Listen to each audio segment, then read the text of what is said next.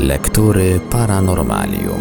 W Radio Paranormalium zapraszamy do spędzenia najbliższych kilkudziesięciu minut z trzecim tomem Księgi Tajemnic i Rzeczy Niezwykłych, wydanym w 1993 roku. Wyborem i opracowaniem historii, które znalazły się w tej książce, zajął się Thomas Degin. Książka, którą z czystym sumieniem można polecić fascynatom tematyki paranormalnej oraz odbiorcom wychowanym na serialu z Archiwum X. Jest to jedna z tych pozycji literackich, które przenoszą nas w inny wymiar. Do światów równoległych, opowiadając o zjawiskach i zdarzeniach, które często zajmują miejsce na półce z napisem trudne do wyjaśnienia. Książkę tę na naszej antenie prezentujemy w odcinkach w całości. Zapraszamy do słuchania.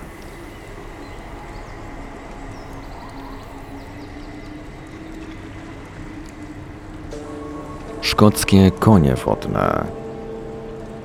Potwór z Loch Ness nie jest czymś wyjątkowym. Zwierzęta zamieszkujące to jezioro budzą wprawdzie największe zainteresowanie prasy, ale relacje o podobnych bestiach nadchodzą także z nad innych jezior zachodniej części szkockich gór. Ponieważ jednak tamte akweny są trudno dostępne, napływa stamtąd mniej sprawozdań naocznych świadków. Poszarzałe, dalekie przestrzenie tych wód obserwują tylko miejscowi farmerzy, a ci bardzo rzadko dzielą się z kimkolwiek swymi wrażeniami. Kiedy zaś decydują się mówić, ich opowieści odbierane są przeważnie nie jako relacje o autentycznych zwierzętach, lecz jako baśnie lodowe o dziwacznych stworach, takich jak wodnik kelpi czy koń wodny. Jest to kwestia nastawienia. Posuwając się w głąb szkockich gór, wchodzimy stopniowo w świat coraz bardziej archaiczny. Tak było przynajmniej do niedawna, zanim era telewizji wszystko zmieniła. Wkraczamy do krainy leżącej o krok od naszego zurbanizowanego świata, w której granice postrzeganej przez nas rzeczywistości nie zawsze są wyraźne. Poeta z Orkadów Edwin Moir pisał o tych wyspach jako o obszarze, w którym zatarły się granice między otaczającą nas rzeczywistością a bajkową fantazją, gdzie realne życie przeistoczyło się w legendę. Podobnie jak we wszystkich przedpiśmiennych społeczeństwach, także i w szkockich górach cała kulturowa tradycja przetrwała dzięki ustnym przekazom. Na tamtejszych gawędziarzach ciąży obowiązek wiernego trzymania się treści legend, a każdy z nich mógł ich opowiadać setki. Jeśli nawet życie przeistaczało się w baśń, to ta ostatnia trwała przez wieki w ludzkiej pamięci i niejednokrotnie tkwiła korzeniami w twardym podłożu rzeczywistych zdarzeń. Opowieści o potworach znajdujemy w niektórych wczesnych opracowaniach historii Szkocji. W jednym z nich, wydanym w 1527 roku, Hector Boyce wspomina Sir Duncana Campbella, który opowiedział mu, że, cytat, z jeziora Garlock w paśmie górskim Argyle wyszła na brzeg straszliwa bestia wielkości harta, a kształtem przypominająca gąsiora i swym długim ogonem obalała wielkie drzewa. Uśmierciła też rychło trzema ciosami trzech myśliwych, a gdyby pozostali nie schronili się na drzewach, to i oni padliby od jej razów.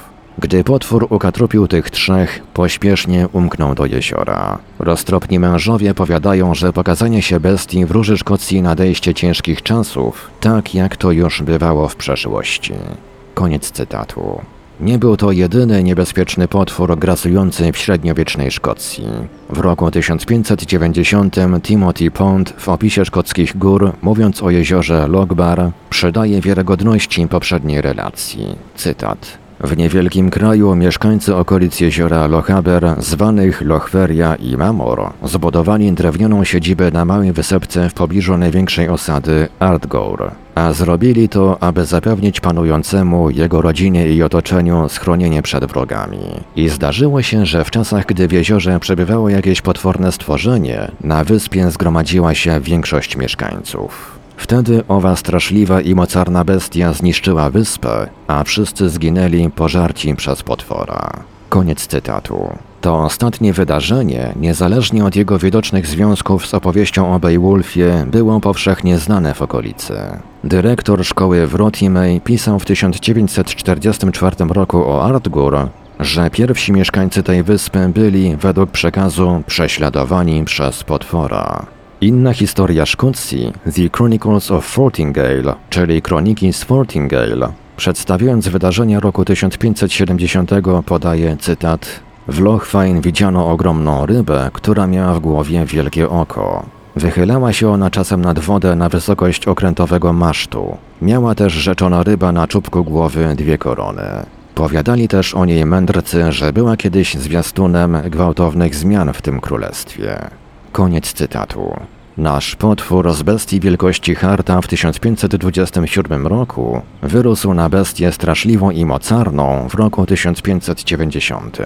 Pojawia się więc przesada i zaciemnienie obrazu, zwyczajność przechodzi w baśniowość. Mimo przeraźliwego strachu, jaki odczuwano przed potworami, było w tym jednak coś więcej. Nie można wykluczyć, że zwierzęta te wychodziły na brzeg, tak jak to się dzieje z pewnością w Loch Ness, i że mogły powodować spustoszenia pośród wątłych, plecionych z domostw i w młodych zagajnikach.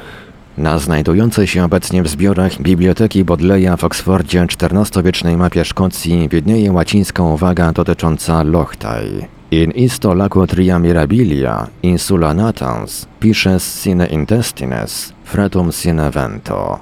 Tłumaczenie Trzy cuda w tym jeziorze, poruszająca się wyspa, ryba bez płetw, fale bez wiatru.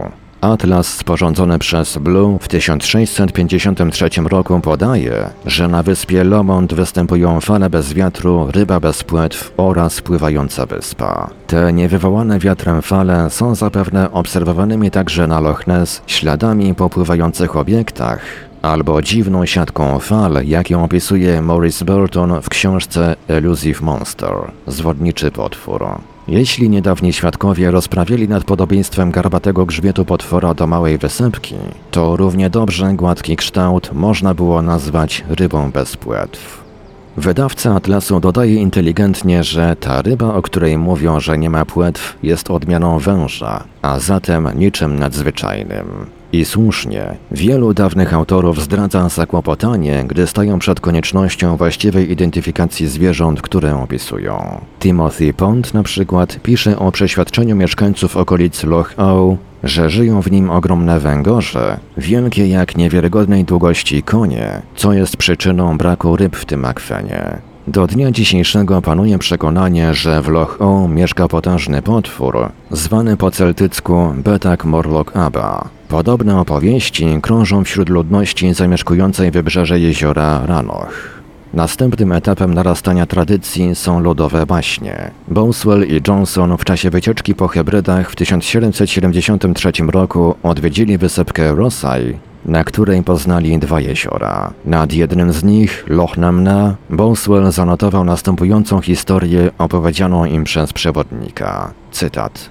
Opowiedział on, że w jeziorze żył dziki zwierz, koń morski, który pożarł córkę pewnego człowieka. Później ojciec rozpalił wielkie ognisko, aby jej zapachem wywabić z wody potwora. W ognisko wetknął ostry rożen. Następnie ukrył się za niskim kamiennym murkiem, który ciągnął się od ogniska poprzez szczyt wzgórza aż do samej wody. Gdy nadszedł potwór, mężczyzna zabił go rozżarzonym do czerwoności rożnem.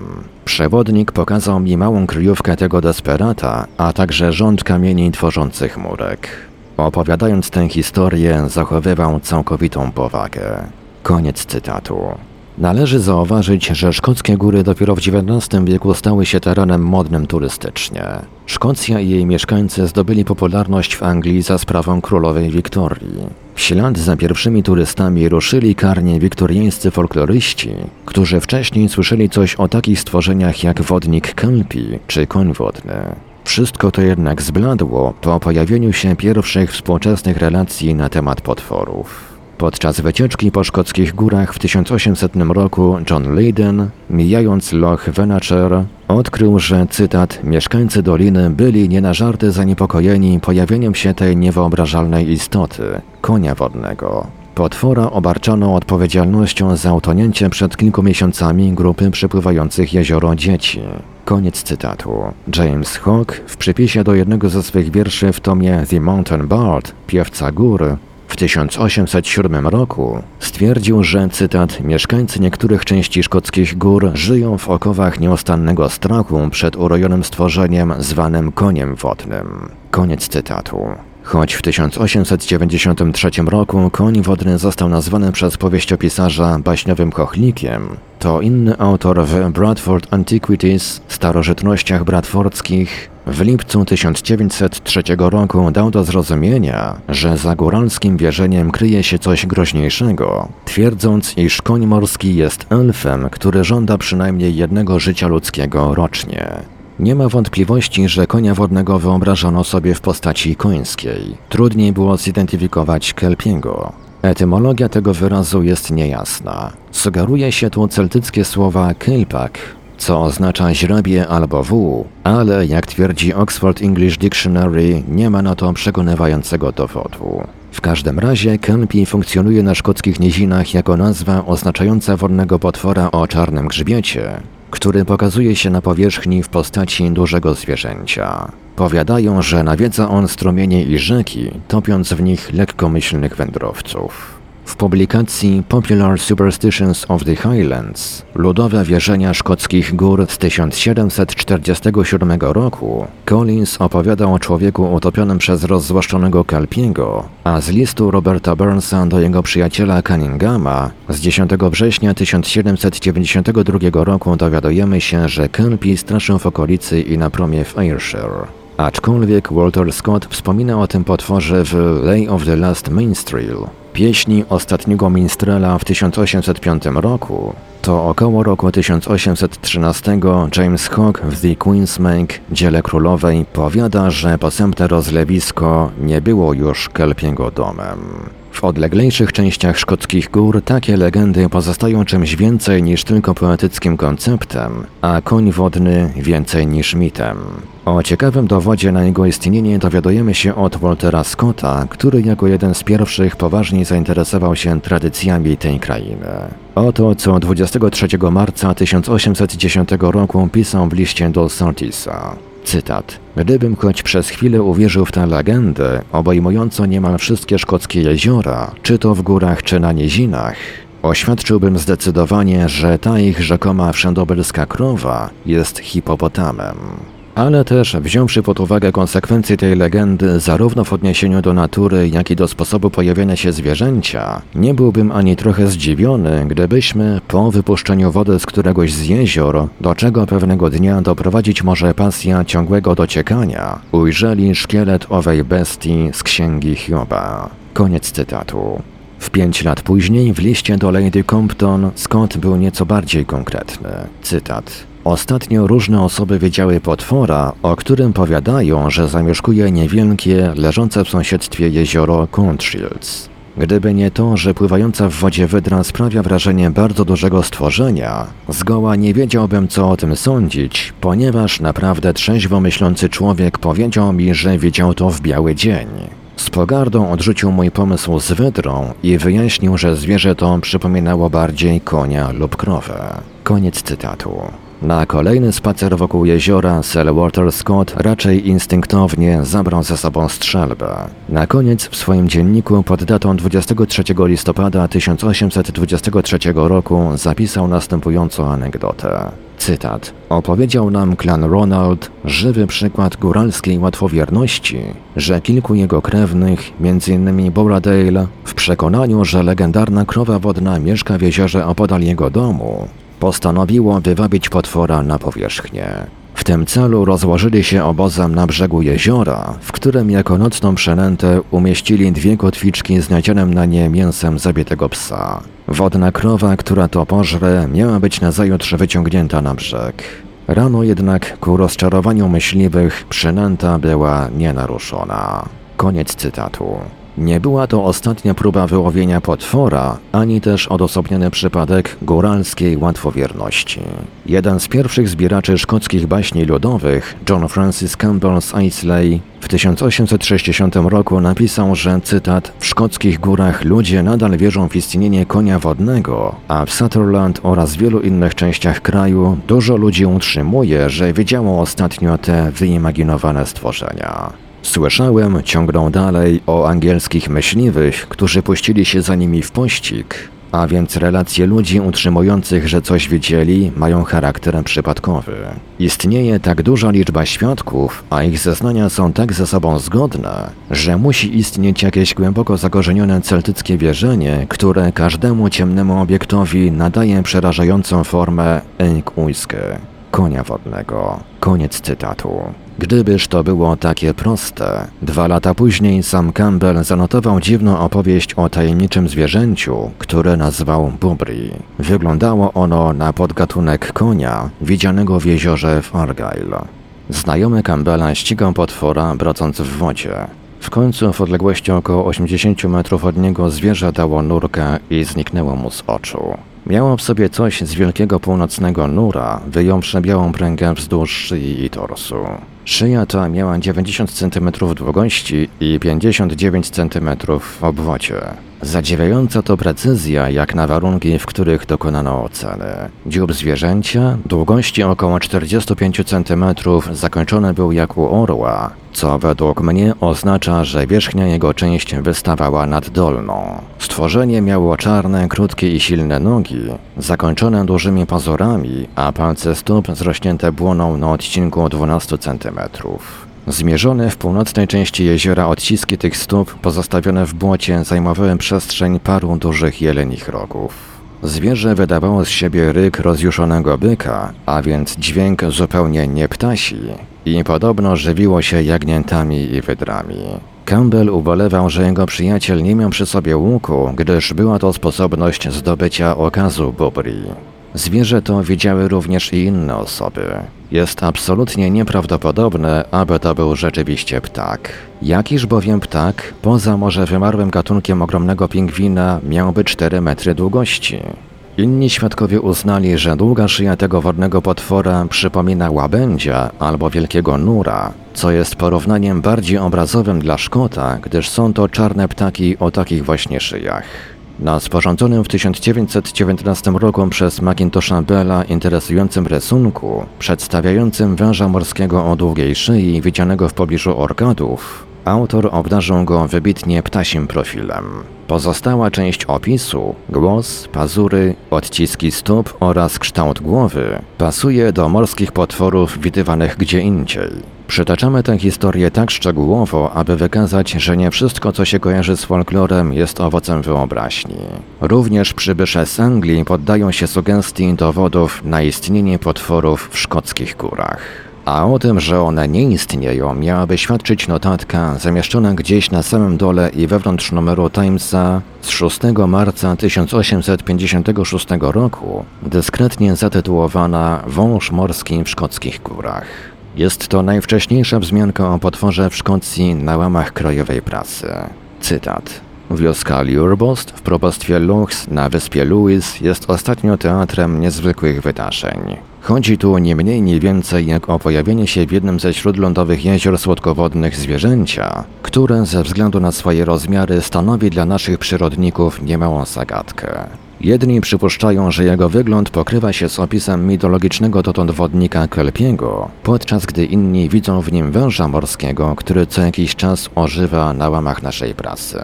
Zwierzę to widziane było wielokrotnie w ciągu ostatnich dwóch tygodni i to przez tłumy ludzi, przybyłych często z najodleglejszych zakątków okręgu w celu obejrzenia tego niezwykłego spektaklu. Niektórzy porównują wygląd stworzenia do wielkiej bryły torfu, inni zaś zapewniają, że między jego potężnymi płetwami, które były chwilami widoczne, mogłaby przepłynąć sześciowiosłowa łódź. Jednakowoż wszyscy zgadzają się w swych opisach co do tego, że ma ono kształt węgorza. Słyszeliśmy też z ust wiarygodnego świadka, że długość zwierzęcia ocenia on na około 12 metrów. Prawdopodobnie nie jest to nic innego niż węgorz morski. W górskich jeziorach Szkocji chwytano już zwierzęta o takim wyglądzie i tak pokaźnych rozmiarów. Ostatnio donoszą, że zwierz ten połknął koc pozostawiony na brzegu przez roztargnioną pasterkę bydła, zaś w pobliżu jeziora przyczaił się na cały dzień pewien myśliwy z dubeltówką, licząc, że mu zwierzę wyjdzie na strzał, ale bez rezultatu.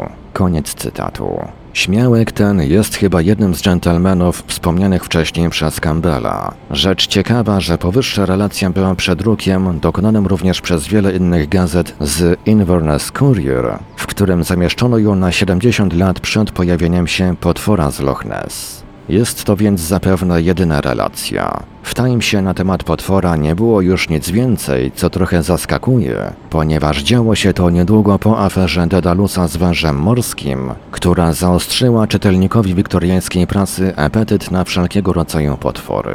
Zaniedbanie to jest niewątpliwie skutkiem braku łączności z wyspą Louis. Pewien czytelnik z Londynu, którym przeczytał tę notatkę, napisał do Inverness Courier, potwierdzając jego relację. Cytat. Mam zaszczyt poinformować Państwa, że w 1821 roku, podczas polowania na wyspie Louis, ja i czterej inni dżentelmeni widzieliśmy to samo zwierzę i niewykluczone, że na tym samym obszarze. Przez kilka godzin usiłowaliśmy bezskutecznie ustrzelić to stworzenie. Tamtego wieczoru jedliśmy obiad w towarzystwie pana Mackenzie ze Stornoway, któremu napomknęliśmy o naszej przygodzie. Pan Mackenzie wyraził spore zdziwienie, choć oświadczył, że kiedy po raz pierwszy przybył na wyspę Louis, żywa tu jeszcze była opowieść o schwytanym w tym właśnie jeziorze podobnym zwierzęciu, które przypominało wielkiego morskiego węgorza. Aby je przetransportować do Stornoway trzeba było aż chłopskiej fury. A zdarzyło się to przed 70-80 laty.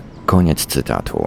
Niezbyt wiarygodne wydaje mi się zdarzenie oparte na pogłosce sprzed roku 1780.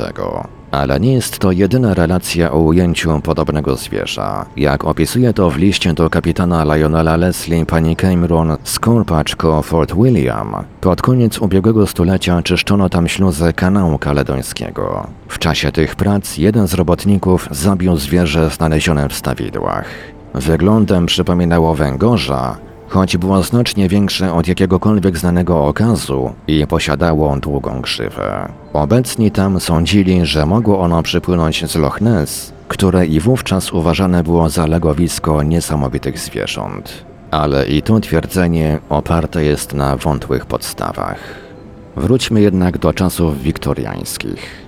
Lord Malmesbury Angielski polityk i właściciel posiadłości w Szkocji w swym pamiętniku, oprócz notatek na temat gabinetowych rozgrywek czy rewolty Sipajów, pomieścił też informacje o wodnym koniu, o którym słyszę podczas pobytu w Achnacarry w 1857 roku. Cytat. 3 października. Dziś rano mój myśliwy i jego pomocnik opowiedzieli mi o tajemniczym stworzeniu, które żyje w Loch Arkaik i które nazywają koniem z jeziora. Chodzi tu o to samo zwierzę, o którego pojawieniu się w górskich jeziorach od czasu do czasu czytamy w gazetach, a także o którego istnieniu w jeziorze Assynt ciekawy artykuł napisał nieżyjący już Lord Ellesmere. Dotychczas jednak historię tę traktowano jako wytwór fantazji. Teraz wszakże jestem przekonany o jej prawdziwości. Mój myśliwy, John Stewart z Achnacarry, widział to zwierzę dwukrotnie i za każdym razem działo się to w promieniach wschodzącego słońca, u progu jasnego letniego dnia, kiedy woda była gładka jak stół, bez jednej zmarszczki. Stworzenie to wylegiwało się na powierzchni. Stewart widział tylko jego głowę i tylne partie, świadczące o tym, że jego grzbiet był zapadły, co nie jest charakterystyczne ani dla jakiejkolwiek ryby, ani dla foki.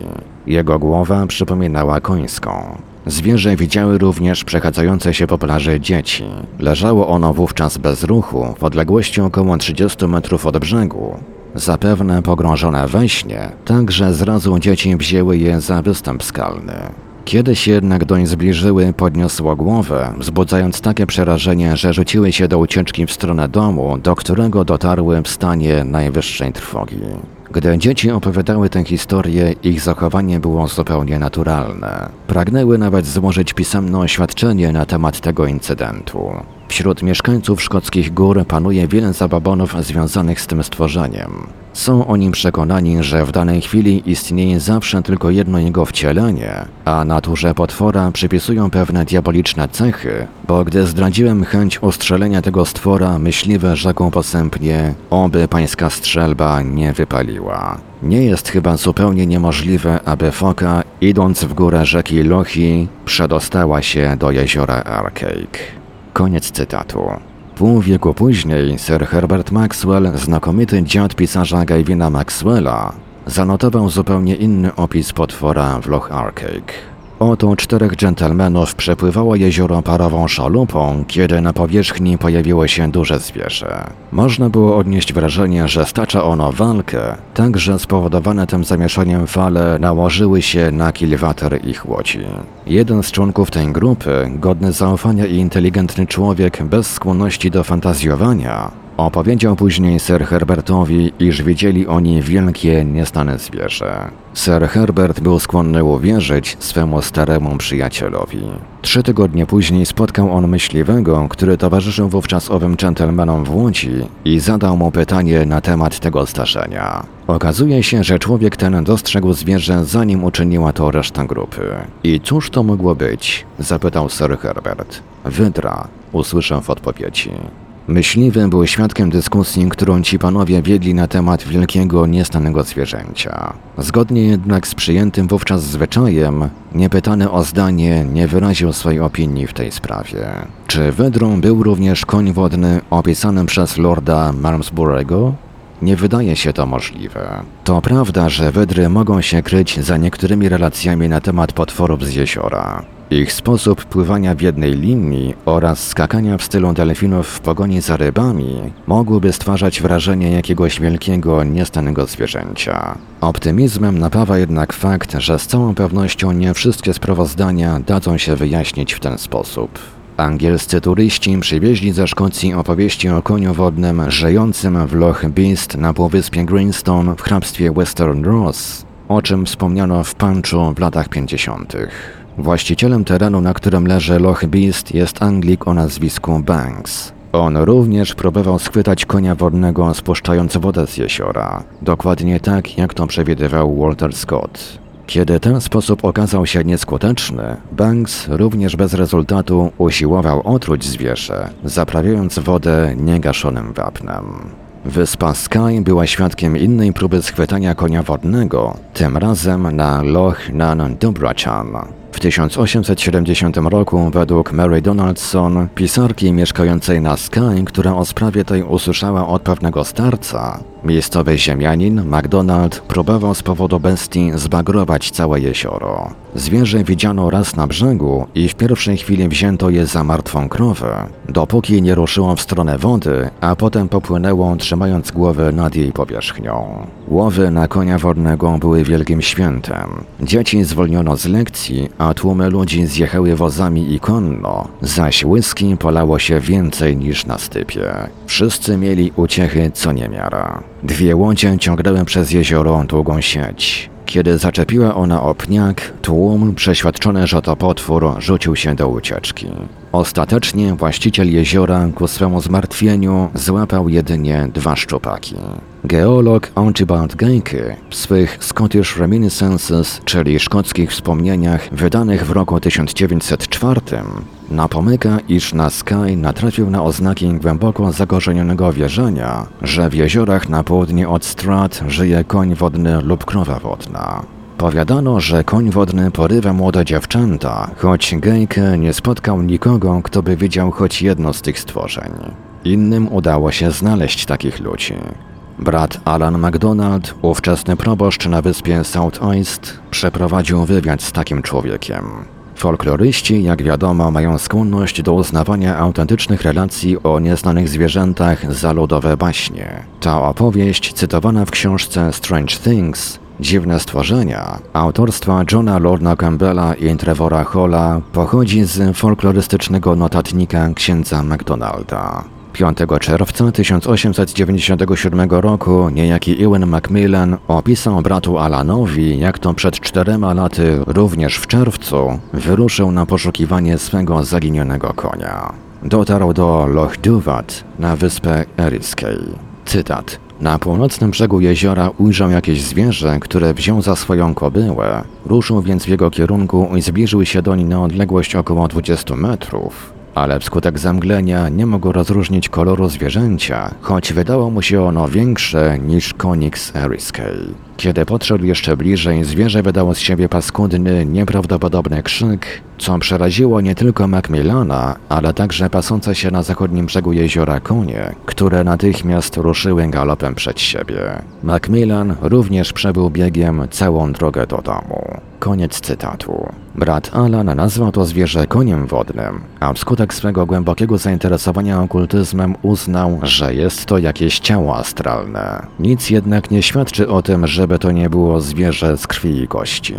Jest ono z pewnością niezwykłe, ale też i zupełnie realne. Ów niesamowity krzyk, przydający tej opowieści przyjemnego dreszczyku grozy, usłyszymy jeszcze przy innej okazji.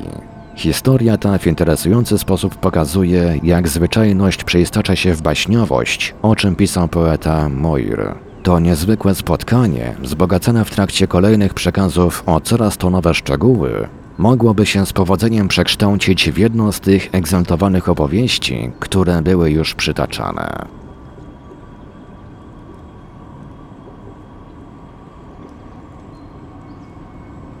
Kontynuacja wątku potworów wodnych zamieszkujących szkockie jeziora w kolejnym odcinku Lektur Paranormalium. Archiwalne odcinki Lektur Paranormalium znajdziesz do pobrania w archiwum naszego radia na stronie www.paranormalium.pl.